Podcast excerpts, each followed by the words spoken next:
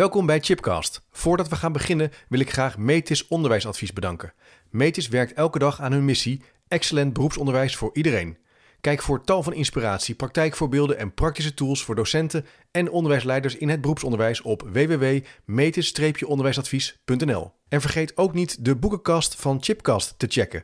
Op www.managementboek.nl/chipcast vind je alle boeken die in de podcastgesprekken voorbij komen.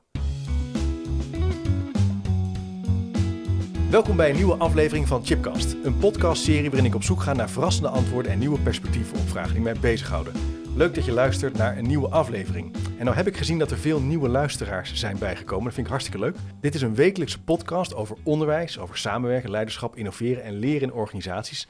En vergeet je niet te abonneren via je podcast-app of YouTube en dan mis je niks. Nou, we gaan het in deze podcast hebben over practoraten. Wat zijn practoraten en zijn practoraten misschien wel een innovatieve tussenruimte in het MBO?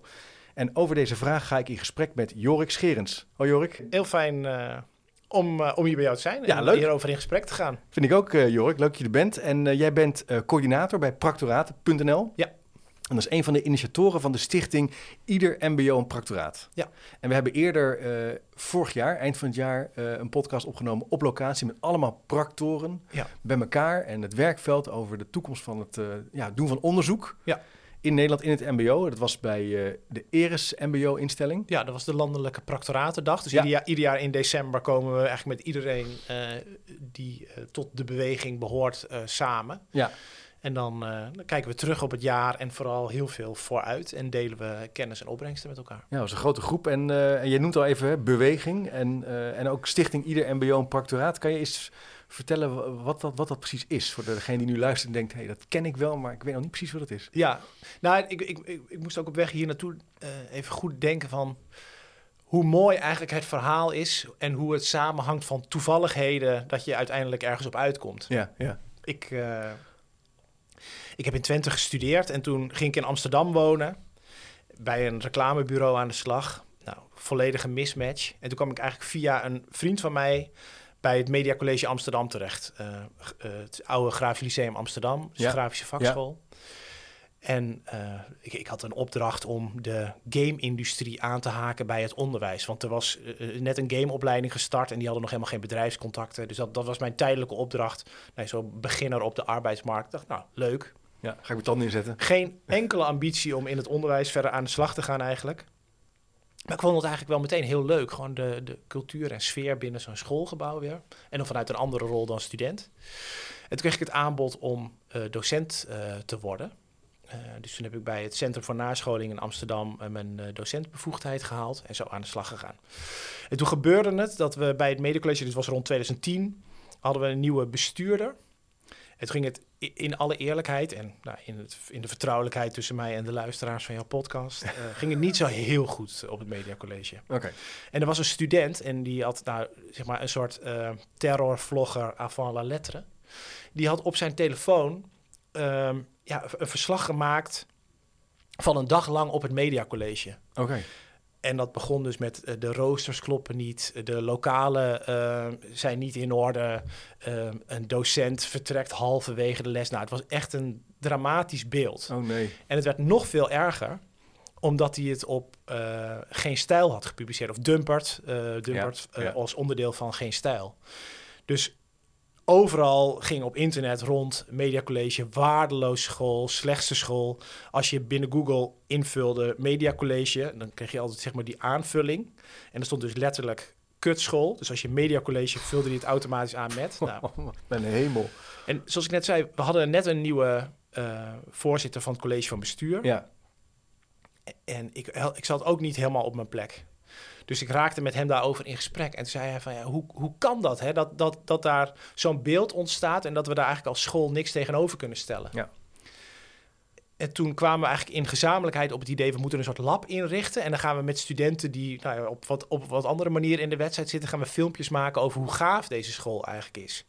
En hoe goed het onderwijs uh, wordt georganiseerd. En nou ja, misschien wel een soort van window dressing... maar daar leren we dan ook weer van. Oké, okay, maar die waren er dus ook. Er waren ook plekken... Dus het was niet alleen maar slecht waren. Nee, ook gewoon, nee, nee, dat was, bedoel, dat was echt Klinkt een beetje flauw, maar ja, precies. nee, ik- Ja.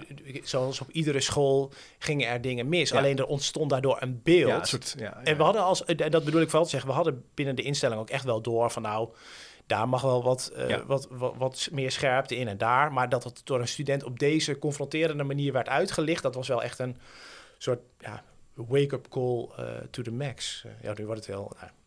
nou. En wat, dus, dus we, we hadden het plan, we Ja. gaan een lab opzetten Ja. met studenten, Ja. met camera's en, en, en alles. En we gaan dit soort filmpjes maken, maar dan op een positieve manier. Dat werd een MA Media, dus Media, College Amsterdam Media.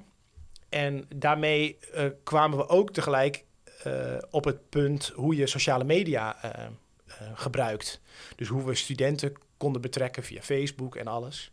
En daar raakten we, we als eh, nou, een soort eh, eh, expertgroepje, raakten daar meer en meer bedreven in. En toen kregen we vanuit HPBO, het platform beroepsonderwijs, bestaat inmiddels niet meer, kregen we een soort van vraag van ja, wij hebben nog subsidie lopen voor allerlei innovatieve onderwijsprojecten in het MBO. Ja.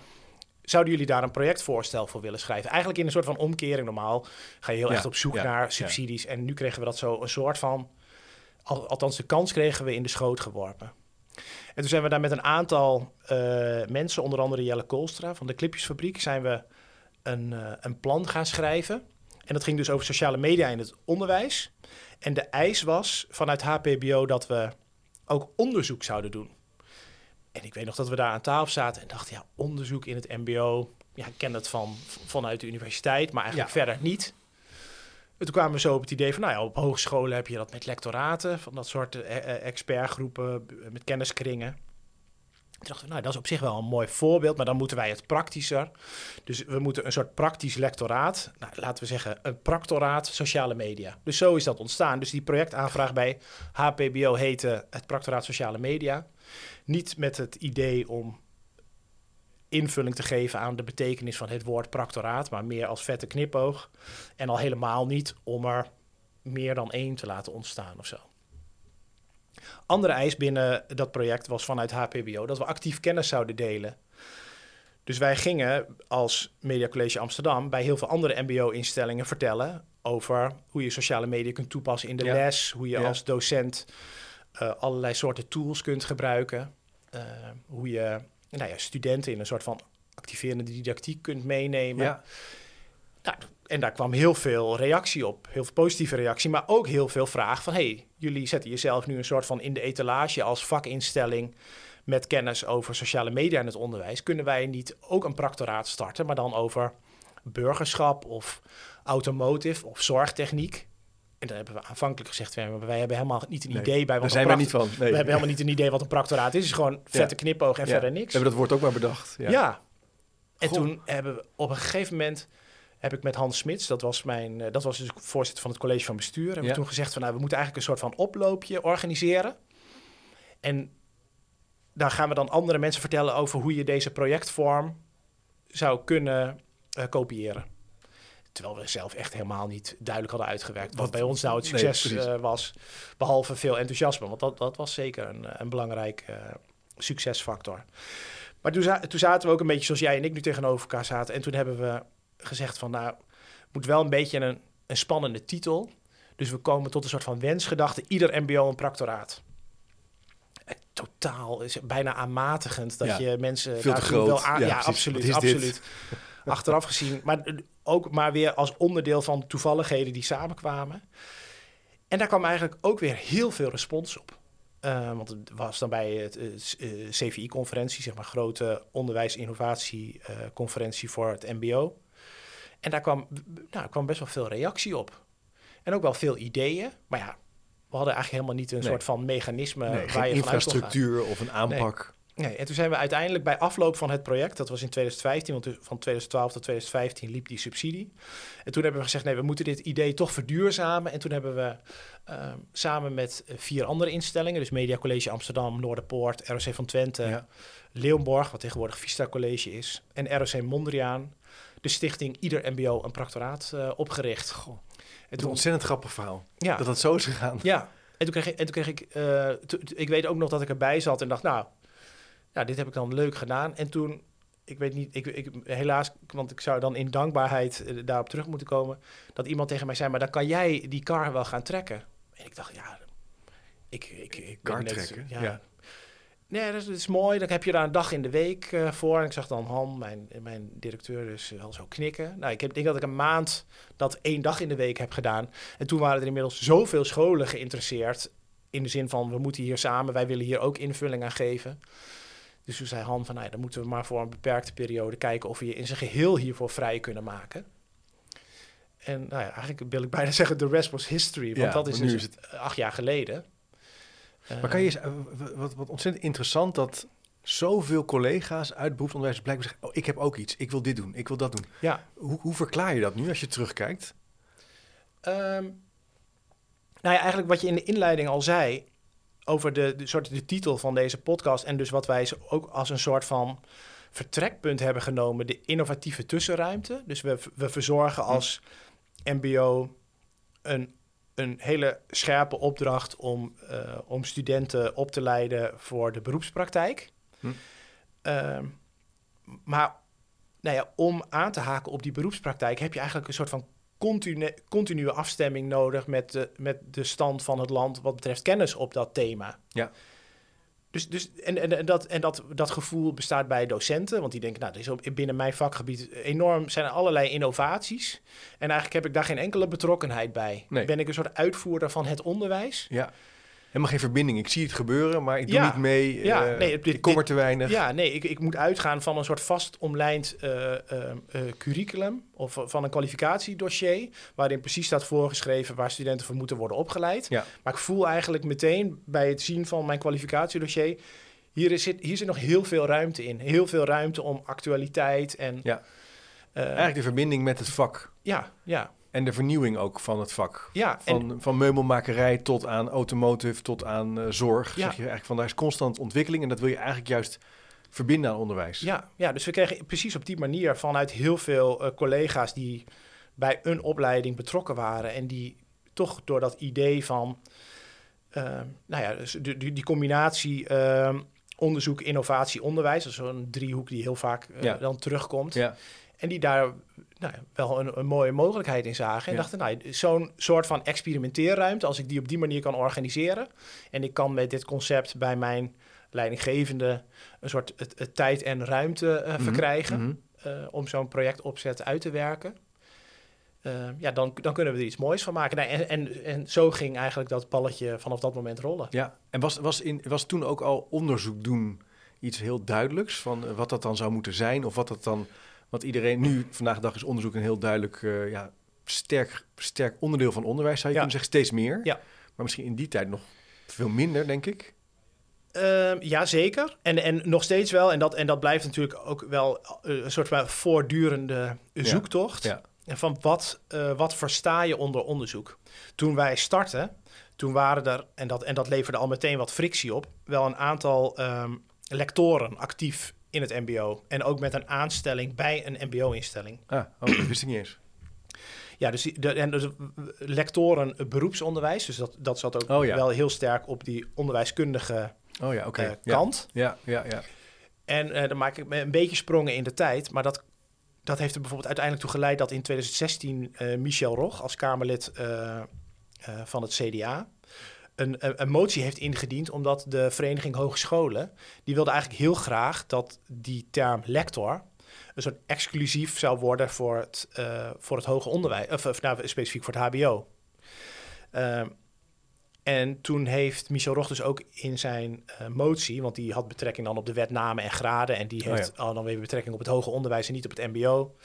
Eh, maar heeft hij wel meegenomen van wij kunnen nu die eh, titel lector en lectoraat als nou, een soort onderwijskunde of organisatorische eenheid kunnen wij ehm, ja, isoleren voor het hoger onderwijs, want het MBO heeft nu practoraten.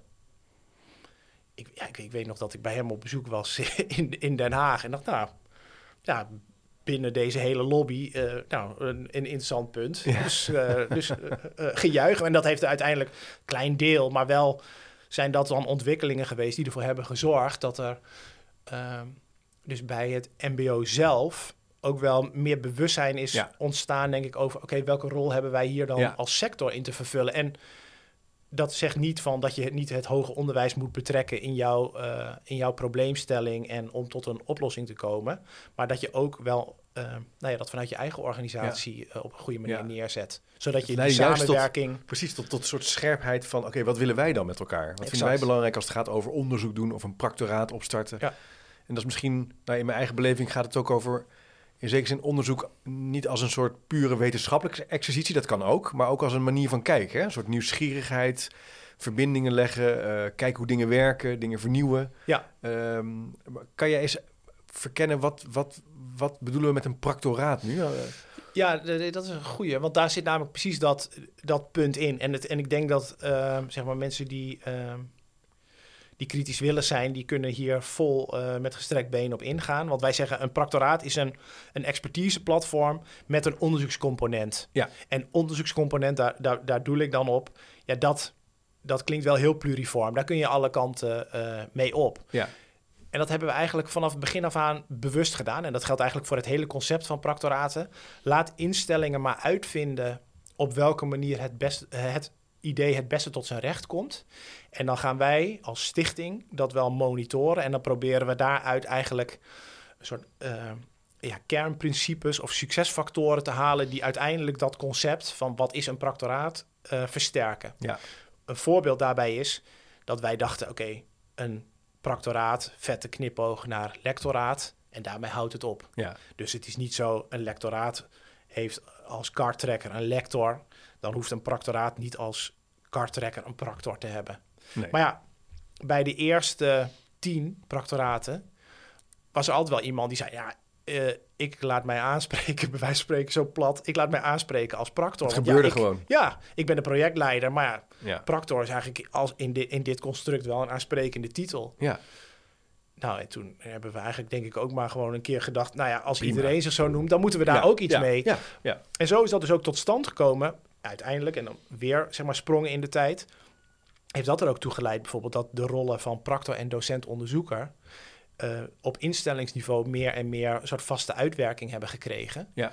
En dat we nu bezig zijn om binnen het functiewaarderingssysteem voor het MBO ook echt voorbeeldfuncties te ontwikkelen voor die rol van practor en docent-onderzoeker. Dus dat je ja. Ja, over die veelheid van practoraten die we nu hebben, toch weer gaat streven naar een bepaalde mate van uniformiteit of herkenbaarheid in ieder geval. Maar wat ik heel leuk vind, dat jullie het eigenlijk daarmee hebben omgedraaid. Gewoon in de praktijk kijken wat er gebeurt rondom grofweg die beweging van praktijkonderzoek doen. En daar eigenlijk lessen uithalen en daarvan leren. En dan kijken of je daarin in zekere zin wat uniforme vertrekpunten kunt, voor, uh, kunt formuleren. Ja, ja dit is, dus denk ik, daar, daarom vind ik die... Uh, die misschien wat vrij anekdotische totstandkoming van toch wel heel waardevol. Ja, omdat het zo heel duidelijk laat zien dat dit geen uh, construct is, zeg maar, wat van bovenaf het onderwijs is ingegooid. Of dat, en dat, en dat verwijt deels ook terecht wel eens gekomen van, oh ja, nu moet het MBO ook gaan onderzoeken. Nee, er is niemand die ons zegt dat wij moeten gaan onderzoeken. Het is ik, maar ik denk wij als sector vinden dat het onze plicht is om een soort, uh, nou ja, state of the art, of in ieder geval heel erg aansluitend op, wel, op waar staan we nu in de ontwikkeling van ons vakgebied. Dat we, dat we daar zelf een opdracht in hebben. En dat het niet een kwestie is van achteroverleunen. En nou ja, laat iemand anders ons maar vertellen waar we voor moeten opleiden. Ja, ook, en dat zag ik ook in, tijdens, die, tijdens die dag, uh, die landelijke practoratendag, een enorme drive ook bij mensen om praktijk, in die praktijk onderzoek te doen, te kijken wat er speelt, dat te verbinden aan je onderwijs, zodat dat kwalificatiedossier ook leeft. En niet dat het niet leeft, maar dat het nog meer in verbinding staat met eigenlijk dat, dat idee van permanente ontwikkeling. En toch die kennissamenleving waar we ook in leven. Ja. Het is niet meer dat dingen, producten en diensten voor eeuwig hetzelfde zijn. Dus dat, dat idee van onderzoek hoort eigenlijk bij dat, bij dat permanente ontwikkelproces, zou je kunnen zeggen. Ja. Ja, ja en, en, en, en dat is ook een punt inderdaad daarbij. Dat het ook bij, zeg maar, dat die term onderzoekscomponent... Mm ik denk als we in een vervolg komende jaren ergens weer naar een soort van aanscherping gaan van wat is het nou?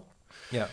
Dat, dat we het ook wel weer meer toespitsen op kennis. Ja. En of je die kennis nou in die zin zelf creëert of in dat dat in co-creatie gebeurt of dat je het misschien vrijwel één op één vanuit uh, universiteiten, hogescholen, je eigen onderwijs inbrengt. Minstens zo goed zou ik zeggen, want dan, doe je, uh, dan doe je ook weer eer en sluit je weer aan bij bestaande kennis. Maar ja, dat je in ieder geval het op die manier benadert. Ja, ja, ja dat, dat- dus je kan ook ehm, samenwerken met een hogeschool, samenwerken met een universiteit. Dat gebeurt ook, hè? Dat, is, dat er juist die kruisbestuivingen zijn. Ja, zeker. Steeds meer. Nee, da- da- daarin zit ook iets, zeg maar, in de zin van ehm, dat het MBO ehm, zichzelf, ehm, maar ook van buitenaf heel vaak heeft laten bezien als een soort van consument van kennis. Dus echt Ja. als uitvoerder, Uitvoerder, ja. uitvoerder van onderwijs. Ja, met je handen dingen doen. Ja, ja, nou ja, ja, al, die platitudes van, eh, van, van handige handjes en eh, slimme handjes. En, eh, ja, nee, Maar dat is, dat is wel echt aan het veranderen nu, vind ik. In, in, dus in ieder geval in de media heb ik het idee dat, nou als ik op scholen kom, dat mensen wel zich in beroepsonderwijs anders aan het positioneren zijn. Dat, dat, dus dat, dat practoraat-idee is daar Ja. denk ik heel sterk in. zeker.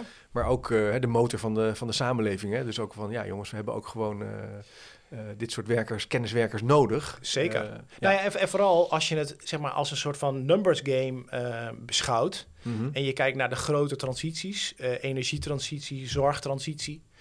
Juist in die sectoren speelt het MBO dus op basis van Ja. nummers veruit de Mega. grootste rol. Ja. Dus het zou heel gek zijn als je daar niet zelfstandig ook een soort van eh, behoefte in formuleert of een, of een gelijkwaardige positie in betracht te hebben ten opzichte van ja. nou ja, hoger onderwijs. Ik heb altijd het idee dat wij soms heel makkelijk dit soort dingen niet weten. Bijvoorbeeld, ik, gisteren hoorde ik op de radio dat wij in Nederland 60% van onze economie is export.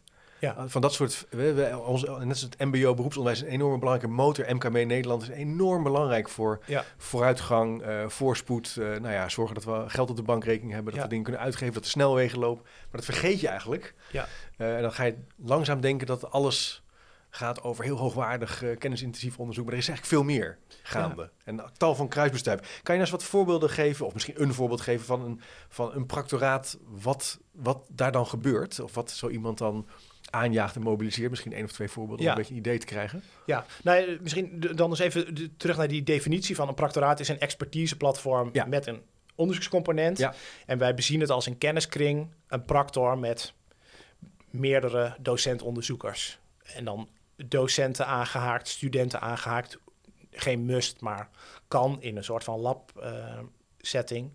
en dus heel erg gedreven in de zoektocht naar kennis. Dat is dan... eh, Nee, nee en, en dus eigenlijk weer zeg maar, terug naar dat beginmoment in, in 2015. Want toen kwamen we al wel op het punt dat instellingen bij ons kwamen. Dus met vragen van, goh, wij willen een practoraat starten op dit thema.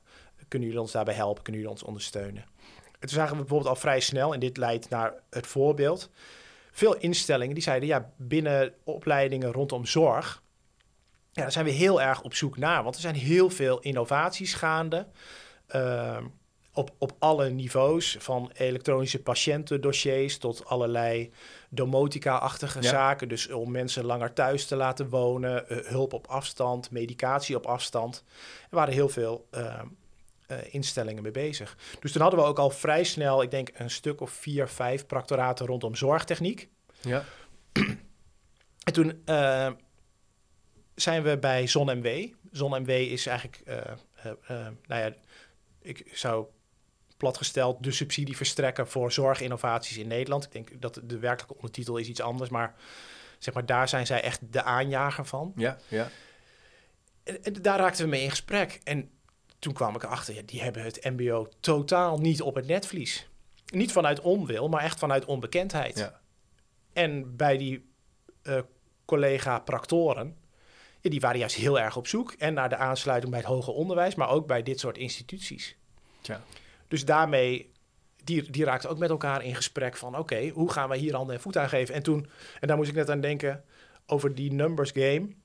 dat we eh, bij een bijeenkomst georganiseerd door ZonMW... en dat ging eigenlijk een beetje over het positie geven aan het mbo... Dus het was een soort een aantal vertegenwoordigers van het MBO, een aantal vertegenwoordigers van het HBO, een aantal vertegenwoordigers van de universiteiten. En ik had echt dus ook een mooi praatje voorbereid van, nou, ja, zo ga ik dan zorgen dat mensen over het MBO zeggen van, wauw, daar kunnen we mooi mee samenwerken. Maar toen hadden ze natuurlijk lekker ouderwets het getrapte model. We beginnen met de universiteiten. Uh, dus daar zat een, uh, een gynaecoloog uh, en die begon een heel verhaal. En die vertelde dus eigenlijk een soort van anekdote over zijn setting in een operatiekamer. Waar die zei van ja, ik leid dit theater. En dan heb ik een aantal uh, universitaire gescholden, een aantal uh, HBO gescholden. Maar bij aantal het overgrote deel eh, MBO-gescholden, Ja. ehm, verpleegkundigen, et cetera. En toen zei hij: Mijn theater is nog steeds gericht op leren. Dat Ja, we, terwijl we bezig zijn, leren we. Ja. Maar hoe bizar is het als ik dan pas ga starten met het, Ja, ja, ja. ja. met het leren samen met die collega's? Waarom doe ik dat niet al veel eerder? Ja, want in, op zo'n operatie, eh, zo- om zo'n operatiekamer heen zijn tal van collega's natuurlijk bezig. In de voorbereiding, de roosters, de planning, eh, Ja, eh, zorgen dat het hygiënisch is, tal van aspecten. En eigenlijk zou je daar dus juist met elkaar moeten optrekken. ja, en hij zei dus, het moet allemaal onderling versterkend zijn. En Ja. nou, denk dan in plaats van de poppetjes Ja, ja, aan de opleidingen, die moeten toch veel meer onderling versterkend zijn. En in al die, eh, in al die calls en regelingen waar gezocht wordt naar coalities om, of consortia om zo'n onderzoek op te pakken, daar moet het MBO toch per definitie in vertegenwoordigd Ja, zijn. en daar zouden dus ook studenten zouden ook daarin mee kunnen participeren in onderzoek doen. Je kan al snel denken, oh, dat is te moeilijk of te ingewikkeld. Dan moet je Ja. methoden en technieken kennen, statistiek. Maar je kan dus ook onderzoek zien als, hey, hoe komt het dat hier een bepaald percentage misschien eh, complicaties krijgt? Of eh, waarom is het hier, waarom sluiten die deuren niet goed? Of Ja. nou ja, whatever. Dat eigenlijk zien als een manier van een gezamenlijk onderzoek. Maar dat vraagt dus wel ook het doorbreken van bepaalde, ja, toch hiërarchieën, bepaalde klassieke patronen van hoe je kijkt naar leren en opleiden. Zeker, Ja. zeker. Ja. Nou ja, en, en, en daar, en dat is met name dus dat, dat, dat punt wat je zegt. Het, het is niet per se dat MBO-studenten dan onderzoek moeten gaan doen in de, Nee. in de klassieke, Nee, eh, ja. in het klassieke beeld Vragenlijst van wat is idee. exact. Nee, nee, nee. Maar, maar bijvoorbeeld, en dat, is, dat wordt veel interessanter als je het dus toespitst op kennis, dat je denkt, binnen al dat soort samenwerkingen is een soort van disseminatieopdracht. Dus we doen kennis op en dat moeten we eigenlijk zo breed mogelijk verspreiden. Ja. Nou ja, dan kun je het MBO als een soort van ontvanger van kennis, maar dan moet je jezelf als sector, het MBO, ook op zo'n manier organiseren dat je ontvankelijk bent om nou ja, in dat soort samenwerkingen Ja. ook die kennis te ontvangen. Nou ja, en dat, dat is zo'n voorbeeld binnen die zorgtechnologie, waar Ja, we denk ik de afgelopen jaren echt enorme slagen in hebben gemaakt. Ik moet denken, ik was een tijdje geleden bij Aventus eh, te gast. En als je daar ook eh, op de Laan van de Mensenrecht in Apeldoorn rondloopt, dat is een prachtige ROC overigens, dan zie je allerlei werkplekken waar eh nou kappersopleiding, eh, je kan daar eh, voor stewardessopleiding, maar ook voor zorgtechnologie. En daar heb je bijvoorbeeld een plek waar je kan leren, waar ouderen nu bijvoorbeeld een een soort harnas aan hebben, waardoor je ze kunnen signaleren wanneer iemand gaat vallen. Ja, ja, ja. ja. En dan gaat er een soort Valdetectie, ja. En dan gaat er een soort airbag gaat dan aan. Ja. En dat schijnt dan enorm eh, eh, Ja. te voorkomen dat nou ja, heupen breken, ellende Ja. bij zelfstandig wonen. Daar doen MBO-studenten, maar ook MBO-docenten participeren daar in een praktijkonderzoek met het werkveld. Exact. Dat zijn natuurlijk super toffe dingen. Ja, bij- bij Aventus ook overigens een heel actueel voorbeeld. Want zij gaan binnenkort starten met een nieuw practoraat. Dus even Ah. weer terug naar het nu. Ja, We hebben ja, ja. inmiddels bijna 100 practoraten. En dan tel ik even de actieve, degene die eh, in oprichting zijn... en degene waarvan de opdracht is afgerond. Tel ik even bij elkaar op. Dus in die zin komen we op 100. Er zijn er ongeveer eh, zeg maar rond de 80 actief. En bij Aventus gaan ze nu starten met een nieuw practoraat. En dat gaat dus over positieve gezondheid. En dat is ook nou ja, dan weer refererend aan een maatschappelijke opgave. Ja. Ehm, dat, eh, dat heb ik ook toen in het begin met die, met die verschillende practoraten die bezig waren met dat, met dat onderwerp zorgtechnologie. Dat gezondheid de afwezigheid van ziekte is. Een heel ja. achterhaald Ja, begrip. Ja, precies, precies. Gezondheid is iets heel anders. Nou. En daar gaat dat positieve gezondheid dus over. Leefstijl, ja. Dus dat is, nou ja, dat is, en dat zie je hoe dat binnen dat soort opleidingen eh, met zo'n innovatieve aanpak in ieder geval veel meer in versnelling wordt gebracht. Ik bedoel, het is niet zo dat opleidingen ontstaan doordat er practoraten bezig zijn met dat maar, eh, eh, met, met dat thema, maar veel meer dat er opleidingen zijn die in hun ja, thematische Mhm. aanbod merken Mhm. van ja, hier, hier moet meer aandacht, hier moeten Ja. we versnelling in brengen. Ja. En dat is de reden om een practoraat te starten. Maar dat kan natuurlijk ook een enorm positieve impact hebben, ook op docenten die een opleiding gewoon doseren, die misschien iets minder in het werkveld komen of die meer op de school of de opleiding zelf eh, lesgeven. Eigenlijk een soort brugfunctie tussen het continu herijken en verrijken van je, van je opleiding. Want Ja. het is ook soms, eh, weet ik wel uit ervaring van, als ik docenten spreek, die zeggen ja, ik kom niet meer zoveel in het werkveld. Ik ben opgeleid als timmerman, maar ik sta nu vooral, eh, ja, geef ik les of begeleid de stages. Maar dit zijn natuurlijk wel een soort scharnierfuncties, tussenruimtes, Ja. waar je je als het ware in kan begeven. Ja. ja, en dat begon allemaal met een oploopje dus. Ja, Ooit, ja. dat is natuurlijk wel echt, eh, ja, Ja. dat is ook een mooi begrip, oploopje. Dus het Ja. begint gewoon met Ja, ja, nee, gewoon de, uitnodigen. de- de- en, maar, en, en, dat, en dat beschouw ik ook wel echt als mijn eigen opdracht om die vrijheid en die mate van ehm, toevalligheden, Ja. Om, om, om dat wel te bewaken. Dus Ja. ook, ook in, ehm, ik bedoel, er zijn, en meer dan terecht, ook wel eens collega's die, die toch heel kritisch over zijn. Van, goh, moeten we dit in het mbo nou wel willen? Past dat wel bij de opdracht die wij hebben? Het is heel makkelijk, eh, en ik ben er ook heel goed in, om dan meteen in de weerstand te schieten en te zeggen: nee, dit is echt geweldig. Maar als je, en daar ben ik steeds beter in, om iets beter te luisteren en dan te horen van waar dat hem in Mhm, zit. En, mhm. dat, en, en, en dat zit hem echt zeg maar in het feit dat ehm, vorm voor inhoud gaat. Dus we gaan nu met een practoraat aan de slag omdat we dat eh, interessant vinden. Nee, dat is ook helemaal niet wat wij willen. Nee, precies. Dus je hebt een soort inhoudelijke uitdaging, een inhoudelijke kwestie. En dat, Ja. daar kan je op verschillende manieren vorm aan geven. En Ja. een vorm, in een hele mooie vorm, is practoraten dan. De structuur volgt de strategie. Hè? Dus het is maar een middel, maar het start bij, en daar zo is het dus ook begonnen, mensen die iets willen, die iets willen uitproberen, Ja. Die willen vernieuwen, die, eh, en, en die onderzoek doen zien als een voertuig om dat eigenlijk te doen. Ja. Want ik heb ook gehoord over auctoraten. Ja, Eh, dus blijkbaar, is- dat zit in het VO volgens mij, als ik het goed heb begrepen. ja dus, dus eigenlijk zoals wij eh, onze naam in ieder geval hebben ontleend aan die knipoog naar lectoraten. Ja, Overigens hebben we daar inhoudelijk ook heel veel lessen uitgetrokken. Dat, dat is wel heel belangrijk om, om, om te benoemen. Zowel goede als slechte voorbeelden. Zo kreeg ik op een gegeven moment... eh, het begon eigenlijk bij het PO. Dat ehm Hanna Bijlsma van... eh, Ja. eh, de beroepsvereniging Academische Leerkrachten Ja, bij mij kwam. Ja. En die zei, "Ja, ik vind eigenlijk dat wat jij doet... Wij schreven samen aan de, de staat van het onderwijs. Of staat van de leraar was ons, eh, onze opdracht dan. Zij zei van, ja, ik wil eigenlijk dat, dat idee eigenlijk wel eens verkennen of dat ook in het PO zou passen. En toen kwam zij met de term primoraten. Ik, ja, ik, ik ken het PO onvoldoende. Ehm, dus ik dacht, nou ja, mooi. En hoe meer jullie ja, weer van ons concept kunnen profiteren, hoe beter. Dat is namelijk de- ook het hele idee van practoraten. Van laten we vooral zoveel mogelijk van elkaar leren. Dus, ehm, en die beweging loopt nog steeds. Dus ik geloof dat er nu zeven primoraten zijn. En niet heel lang daarna kwam er ook een vraag vanuit het, eh, vanuit het VO. Eigenlijk eerst over didactoraten. Maar Ja. ik meen dat dat idee weer een beetje eh, weggezakt is. Maar daar ben ik niet helemaal van op de hoogte. En auctoraten. En eh, nee, die hebben, eh, tenminste, eh, dat hoop ik, ook weer zoveel mogelijk van onze geleerde lessen ja zo, zo de beweging weer door. Ja, Ja, ik heb begrepen dat, dat dat ook gaat over een soort wens om samen te komen als docent of als leerkracht, om lessen te bespreken, om na te denken over je vak. Ja. En dat gaat, dat gaat ook wel over dus een soort, ja, toch een onderdeel van je vakmanschap, is dat, dat je ook onderzoek doet. Niet in de zin van onderzoek, hè, dissertatie schrijven, maar onderzoek doen van hoe gaat mijn les eigenlijk, hoe gaat mijn werk eigenlijk, wat kan ik Ja. beter doen, welke trends zijn er waar ik wat mee wil. Ja. En dat is volgens mij iets wat wel steeds sterker doorklinkt in het hele brede onderwijs ja. segment, zou je kunnen zeggen. In, al, in alle segmenten. Ja, Ja. Nou, de, de, eh, zeg maar het, ehm, het leidende motief daarin, en dat geldt voor ons met practoraten ook, ehm, is docentprofessionalisering. Ja. En daar heb je wel allemaal sub, sub, subdoelen bij. En het is natuurlijk al, het is al een, een, een, een, eh, een ingewikkeld begrip op zich. Want wat bedoel je dan eh, precies met docentprofessionalisering?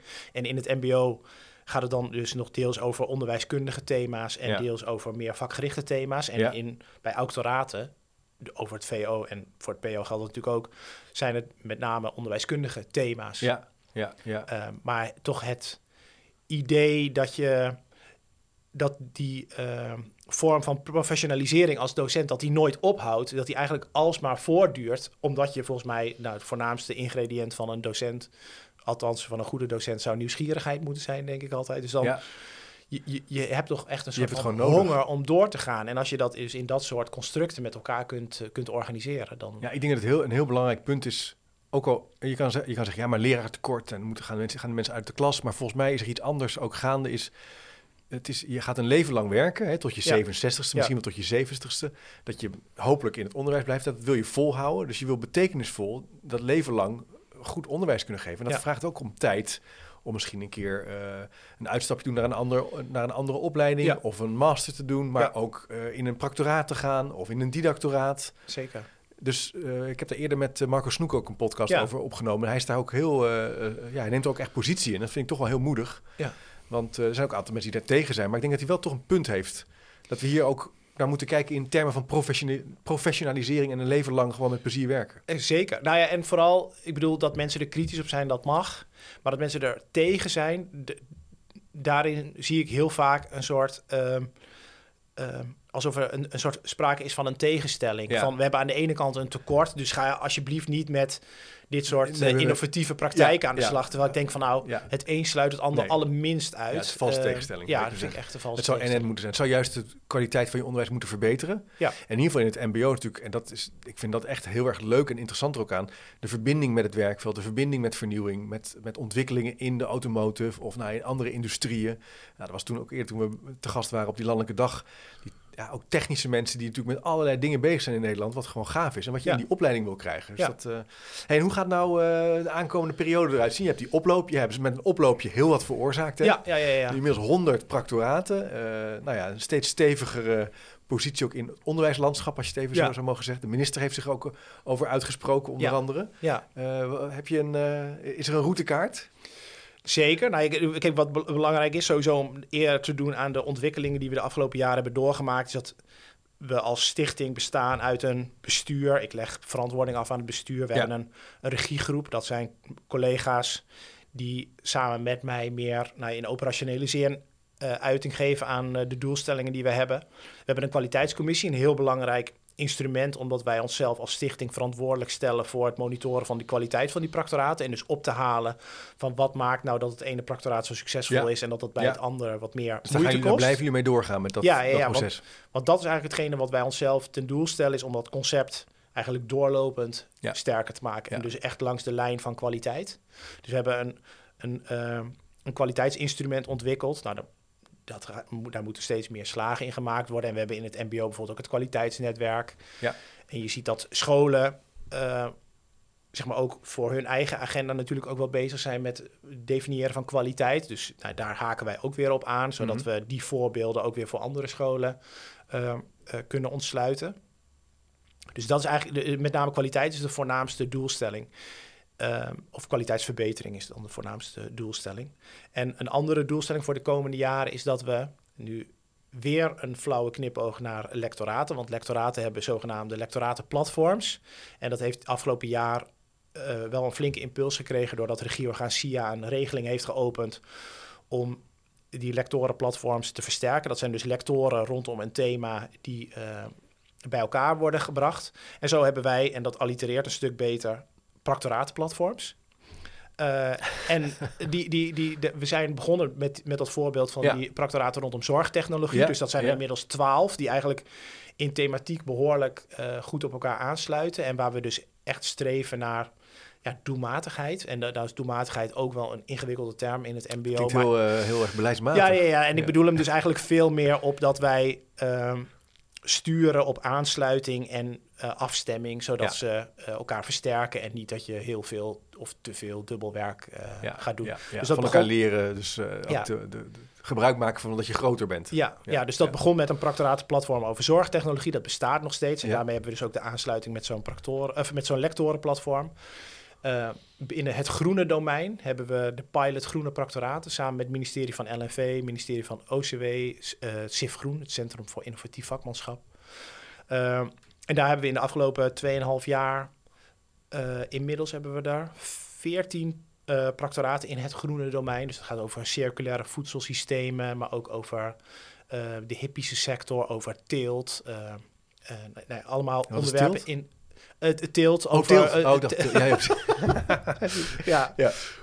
Ja. Eh, dus nee, dat is een Oh, heel cool, en, en, dat, en eh, dat maakt mijn baan dan weer waanzinnig interessant, want ik zit dus heel veel meer Ja, op, komt op op allerlei- de vorm. Je hebt echt een superleuke job, want je komt allemaal van dit soort plekken. Kan je gewoon kijken Ja, en zien we wat er gebeurt. een, een practoraat over visserij. Nou ja, ik, eh, ik gebruik heel vaak eh, airport en aviation op Schiphol. ja, ja, ja. dat, oh, ja, dat tof. sluit ook sterk aan bij mij. Ja, Ja. mag je gewoon allemaal naartoe. En, eh, bij wat ik zelf leuk vind, dus dat vind ik geweldig. oh, heb je wat met vliegen dan? Of, Nou, eh, weet je, gewoon meer Gewoon gewoon interessant. vanuit een soort Ja, ja, van ja. kinderlijk eh, Ja, ja, ja, ja. nieuwsgierigheid. En dan wat je daar rond en dan zie je allemaal studenten eh, sleutelen aan vliegtuigen en helikopters. En dan denk Ja. je terug aan hoe je zelf in zo'n hele stoffige collegebank hebt gezeten. Ja. En dat je, oh ja, als ik het toch over zou mogen doen, zou zo'n opleiding toch ook wel heel gaaf zijn. Ja, ja, ja. Heb je, zou je iets anders kiezen als je het nog een keer, eh, nog een keer zou mogen doen? Een ander vak of zo? Zeker. Ja? Ja. Wat, welk vak zou dat dan zijn?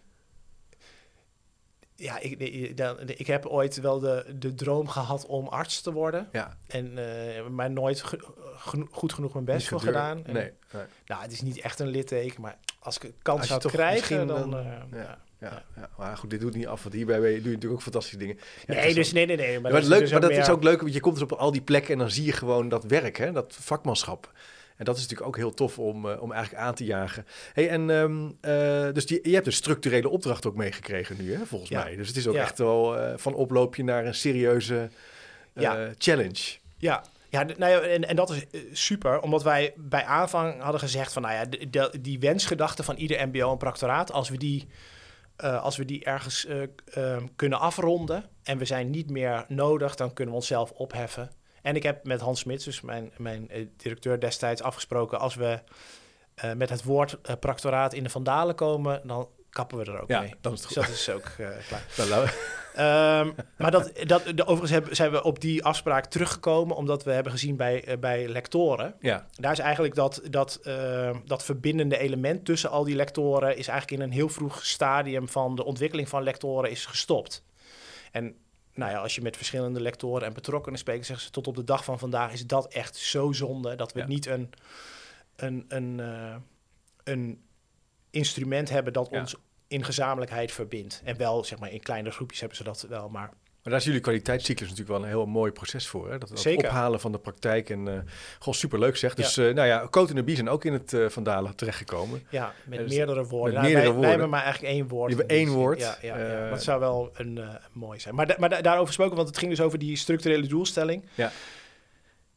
Dat het, het had natuurlijk nooit, zeg maar, die ambitie. En die ambitie heeft zich over de jaren gevormd. En dat je dus op een gegeven moment binnen ehm, de strategische agenda, zeg maar, sectorale agenda, invulling geeft. En dat is niet alleen maar met proctoraten hoor, maar dat, dat onderzoek en wat verstaan we onder onderzoek en hoe verhoudt zich dat tot de innovatieve ehm, taak of de, alle, allerlei innovatieve ontwikkelingen en dat je daar steeds meer invulling aan kunt geven en Ja. dat je dus op een punt komt dat de minister, Robert Dijkgraaf in dit geval eh, als aanvoerder van het ministerie van OCW zegt oké, wij gaan voor het eerst eh, gewoon middelen vrijmaken eh, Ja. voor proctoraten. En voor de positie van het MBO in calls en regelingen, want dat is ook een belangrijk aandachtspunt. Ja, dat, dat, is, dat is wel echt een, een hele grote stap. En ook echt een stap die past, denk ik, in nou ja, hoe we ons als MBO-sector hebben ontwikkeld over de afgelopen jaren. Fantastisch, Jorik. Superleuk om het te Ja. volgen. En eh, bedankt voor deze uitgebreide toelichting. Echt heel erg interessant om eh, zo na te denken over die tussenruimte en hoe het eh, beroepsonderwijs eh, met een mooi, op een mooie manier met onderzoek aan de slag kan gaan. We blijven het volgen. Hè. We gaan dit jaar misschien nog wel een keer eh, een practor interviewen of een keer kijken op een locatie om te Ja. zien wat er allemaal gebeurt. Dus daar kan je je al eh, op voorbereiden, beste luisteraar. Ehm, bedankt voor het luisteren. Vergeet je niet te abonneren op de podcast. Vind het heel fijn ook als je de tijd wil nemen om een review of recensie te schrijven over dit gesprek. Hoe eerlijker, hoe beter. Dat kan op Spotify, Apple Podcast of YouTube. En dat helpt dan weer de zichtbaarheid van het kanaal. Jorik, dankjewel. Ja, en als je eh, dus over proctoraten meer wil weten, als ik zo vrij mag zijn, Heel graag. www.proctoraten.nl. Kijk, En vind je ook mijn contactgegevens, mocht je goede ideeën hebben. Een eigen pactoraat starten of eh, meer informatie vinden. En ik zal, alles. eh, we vinden er alles en ik zal de link ook even in de speaker notes zetten. Super fijn. Tot de volgende keer. Heel erg bedankt. Nieuwsgierig naar meer? Abonneer je op de nieuwsbrief en je mist niks. Ga naar www.chipcast.nl slash doe mee. Wist je dat er op chipcast.nl meer dan 200 afleveringen over onderwijs, samenwerken, innovatie, verbetermanagement, leiderschap, organisatieverandering en filosofie te vinden zijn? Blij met deze podcast? Je helpt Chip enorm met een review of recensie op Spotify of Apple Podcast. Je kunt trouwens alle gesprekken op YouTube bekijken. En vergeet je dan niet te abonneren. Tot slot nog even dit. Managementboek heeft ook een podcast, Boekenpraktijk, over managementboeken. Check ook deze podcast via je favoriete podcast app.